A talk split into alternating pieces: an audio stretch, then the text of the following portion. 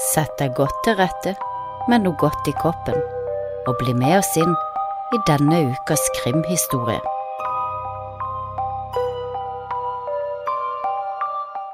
Hei og god påske!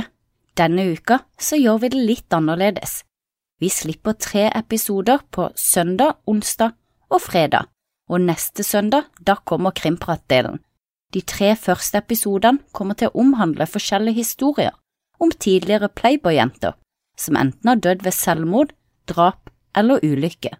Og i krimpratdelen går vi enda nærmere inn på hva som hevdes å ha skjedd bak playboy-menneskens lukkede dører, om Playboy-skyggemenschen, og hvordan Playboy-jentene egentlig ble behandla av Hefner og hans rike og berømte venner. Først ut er historien om Page Young.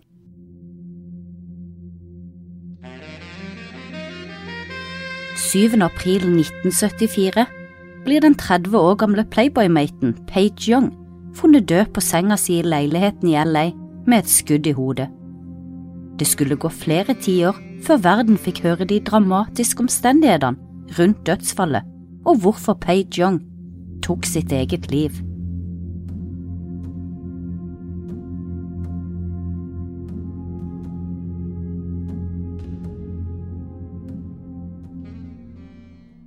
16. mars 1944 kommer Diana Lee Cotterell til verden.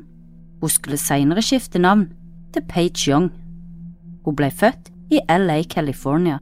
Foreldrene var Robert Morgan Cotterell og Donna Virginia LaRocca. Page hadde også en to år eldre søster, Constanza Susan Cotterell. Page sine foreldre gifta seg i 1940. Robert var 23 år og Donna 19. De gifta seg på The Hollywood Wedding Chapel og var et av de siste parene som gifta seg her, før stedet ble kjøpt opp av den kjente produsenten og skribenten Preston Surge. Han gjorde stedet om til en restaurant ved navnet Players, og i dag er stedet en tacorestaurant. Page sin far Robert var også en krigsfange under andre verdenskrig og satt i fangenskap fra 27. mai 1944 til 20. juni 1945. Page var bare knappe to måneder gammel da faren hennes ble fengsla. I 1947 søker Page sin mors skilsmisse, og den blir godkjent samme året. Faren gifter seg på nytt bare to år senere med Patricia Frick, og de fikk to barn i sammen i 1950 og 1951. Page bodde sammen med mora og sin storesøster Constanza i LA. Hun hadde lite kontakt med faren, som hadde starta en ny familie og som arbeidet i Luftforsvaret, noe som innebar at han flytta mye rundt og var lite tilgjengelig. Og kanskje var det den manglende kontakten med faren som senere førte Page inn i en mannsdominert og sexfisert verden, med store, kjente stjerner som skulle ende med å knekke henne helt. Etter hvert som Page blir eldre, så gifter også mora seg på nytt med Jack Holroy og når Paige er et sted mellom 15 og 18 år gammel, det er da hun endrer navnet sitt fra Diana til Paige. Mye tyder på at Paige stoppa ut av skolen rundt 9.–10. klasse, og at hun allerede da begynte sin karriere innenfor modell og drama. Selv hevder Paige at hun var uteksaminert fra Van Nuys High School, uten at det finnes noe skolefoto eller annen dokumentasjon fra avgangsåret. Og 1. oktober 1963 så gifter Page seg i Las Vegas, bare 19 år gammel, akkurat som sin mor. Ektemannen var Mark F. Segal, men ekteskapet varte kun i elleve måneder, og 27. august 1964 så skiller de seg.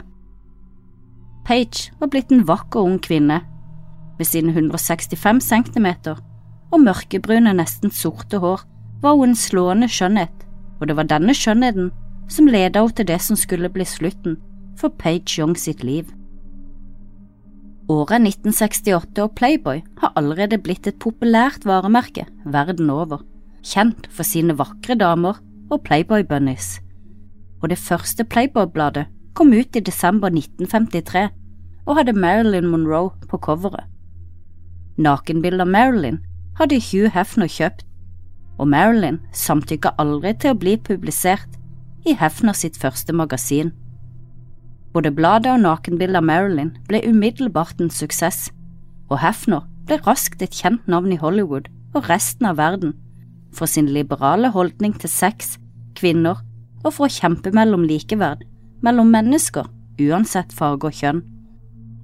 Og den allerede populære pinup-modellen Marilyn Monroe ble nå mer kjent enn noen gang. Playboy-magasinet var ikke et rent pornoblad, bildene var smakfulle, kvinnene var vakre og naturlige. Hefners visjon var at kvinnene skulle være drømmen om jenta i nabohuset. I tillegg så inneholdt magasinet flere artikler om politikk og andre samfunnsrelaterte saker som ikke handla om sex.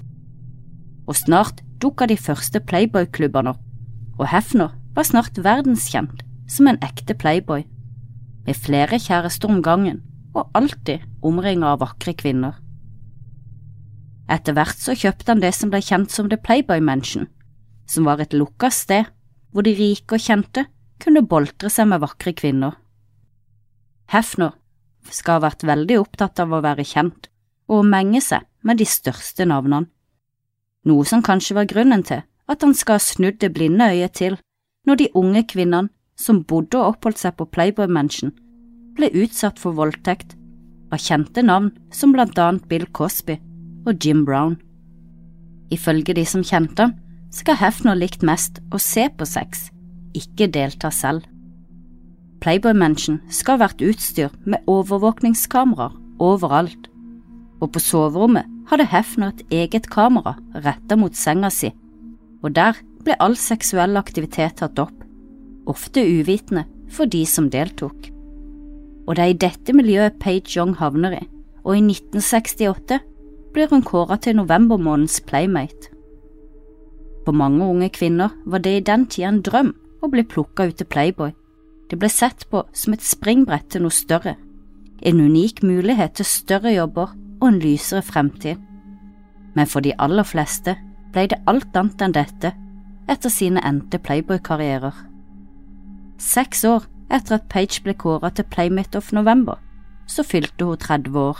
Blitslysene hadde slutta å blinke, og Playboy-drømmen ble langt fra slik som Page hadde trodd den skulle bli. Hun følte seg brukt, misbrukt og uønska i Hollywood. 7. april 1974 ble Page Young funnet død i leiligheten sin i West Hollywood av nabo og modellvenninna Melanie Myers, som ennå bor i Hollywood. Inne på rommet sitt lå 30 år gamle Page død på senga si. Hun hadde en 38 kaliber pistol i handa og et skudd i hodet. Hun skal ha hatt et fredfullt smil rundt munnen. På senga under henne lå et stort amerikansk flagg som hun pent hadde lagt over senga før hun tok sitt eget liv. Men det var ikke det mest bisarre som ble funnet på rommet hennes. Hele den ene veggen på Page sitt soverom var dekka av utklipp fra aviser og magasiner, og over utklippene var det skrevet med stor, rød skrift Hugh Hefner er djevelen. Page hadde også lagt igjen et selvmordsbrev som Melanie hadde fått lov til å lese før politiet tok det med seg. I brevet hadde Page uttrykt sterkt sinne mot flere menn og industrien i Hollywood som hun følte hadde tygd henne opp og spytta henne ut. Blant navnene hun nevnte i brevet, var Playboy-kongen Hefner og produsenten John Houston. Allerede dagen etter at Page ble funnet død, var rommet hennes tømt og rydda ut, og selv om media rapporterte at hun var død, så var det ingen som skrev om brevet som ble funnet, eller hva hun hadde skrevet om Hefner på veggen sin. Det var først 40 år senere, i 2014, når Melanie endelig begynte å snakke om hva som hadde skjedd den dagen Page døde, at saken fikk oppmerksomhet. Melanie er overbevist om at Page tok sitt liv på den måten hun gjorde, med et håp om at hennes brev og skrift på veggen kombinert med hennes selvmord ville skape oppmerksomhet og avsløre hva som egentlig foregikk i Hollywood og på Playboy Mansion. I seinere tid har Page også blitt kobla til Bill Cosby, og bare dager før hun tok sitt eget liv, hadde Page kommet tilbake fra en tur til Ireland med John Houston. Melanie, som fant Page død, fortalte i 2014 at Page hadde gitt henne en guidet tur på soverommet sitt bare minutter før hun tok livet sitt. Melanie forteller at Page hadde kommet bort til vinduet hennes og bedt henne bli med inn for å se på noe. Hun forteller at hun ble sjokkert da hun kom inn på soverommet. Over senga til Page var det et stort amerikansk flagg. På gulvet var de laget et pentagram. Men det var likevel veggen som sjokkerte Melanie aller mest. Veggen som var dekka av avis- og magasinutklipp, og som hadde teksten Hugh Hefner er djevelen. Melanie beskriver veggen som et stort skilt som bare lyste Jeg hater Hugh Hefner, og det var liten tvil hos Melanie at det var han hun hater aller mest. Så skal Page ha fortalt Melanie helt rolig at hun planla å ta sitt eget liv. Hun viste Melanie en pistol, la seg på ryggen på flagget, tok pistolen mot munnen og sa Sånn skal jeg gjøre det, Melanie. Melanie forklarte at det hele var sjokkerende, og at hun og Page var venninner, men ikke bestevenninner, og at de ofte krangla. Så Melanie hadde blitt redd og tenkt at Page raskt kunne komme til å skyte henne også, så hun forlot leiligheten, løp over til sin egen og ringte politiet, som ankom kort tid etter. Av en eller annen grunn så ville ikke politiet gå inn i Page sin leilighet først, så de sendte inn Melanie for å sjekke henne. Politiet fulgte bak henne. Når de entrer rommet hennes, ligger Page død på senga, akkurat sånn som hun nettopp hadde fortalt Melanie at hun kom til å gjøre. Senga var gjennomtrukket av blod, Melanie bråsnudde og løp ut av leiligheten. Så hva var det som fikk Page til å ende sitt liv på en sånn dramatisk måte? Hva hadde hun egentlig blitt utsatt for? Flere har forklart at Page ofte ble sett i den berømte Playboy-grotta på Playboy Mansion. Det var et slags basseng inni ei grotte, og det er kommet flere historier i nyere tid om hva som skal ha foregått i grotta. Sex, gruppesex, frivillig og ufrivillig. Grotta, som skal ha vært guttas lekeplass, og Playboy-jentene var guttas leketøy. Bill Cosby var ofte på besøk i grotta, og var en nær venn av Hefner. En ting som skal ha skjedd med Page på Playboy Mansion, og som fikk henne til å føle seg krenka, var at hun hadde blitt filma mens hun hadde sex, uten hos sitt samtykke. Dette ble Page svært prega av, og det var svært opprivende for henne, og for Page så føltes som jordas undergang. Det er siden kommet frem at Hefner ofte filma gjestene og Playboy-kvinnene som hadde sex på Playboy Mansion. Dette var ofte rike og mektige menn og disse opptakene ble deretter brukt til å presse de samme rike og mektige mennene som hadde fått boltra seg fritt i Hefners lekegrind. Hefner hadde mye makt, mye penger og mye informasjon mange ikke ville skulle komme til overflata. I ettertid er det også kommet frem at Bill Cosby hadde øyne for Page, men at Page gang på gang avslo ham og sa at hun ikke var interessert. Bill Cosby skal ifølge ei venninne av Page ha voldtatt henne. Page hadde ikke sagt direkte at Bill Cosby dopa henne ned, men hun hadde forklart at da hun våkna til, så innså hun at hun var blitt voldtatt, noe venninna mente indikerte at hun hadde blitt dopa ned først. En annen venn av Page fortalte at en kveld han skulle hente Page fra Playboy Mansion, så hadde han sett Bill Cosby oppføre seg aggressivt mot Page etter at hun hadde avvist ham nok en gang. Pages selvmord er ikke det eneste relatert til Playboy Mansion. I den neste episoden får du høre om flere Playboy-kvinner som enten har endt sitt liv eller dødd ved en ulykke.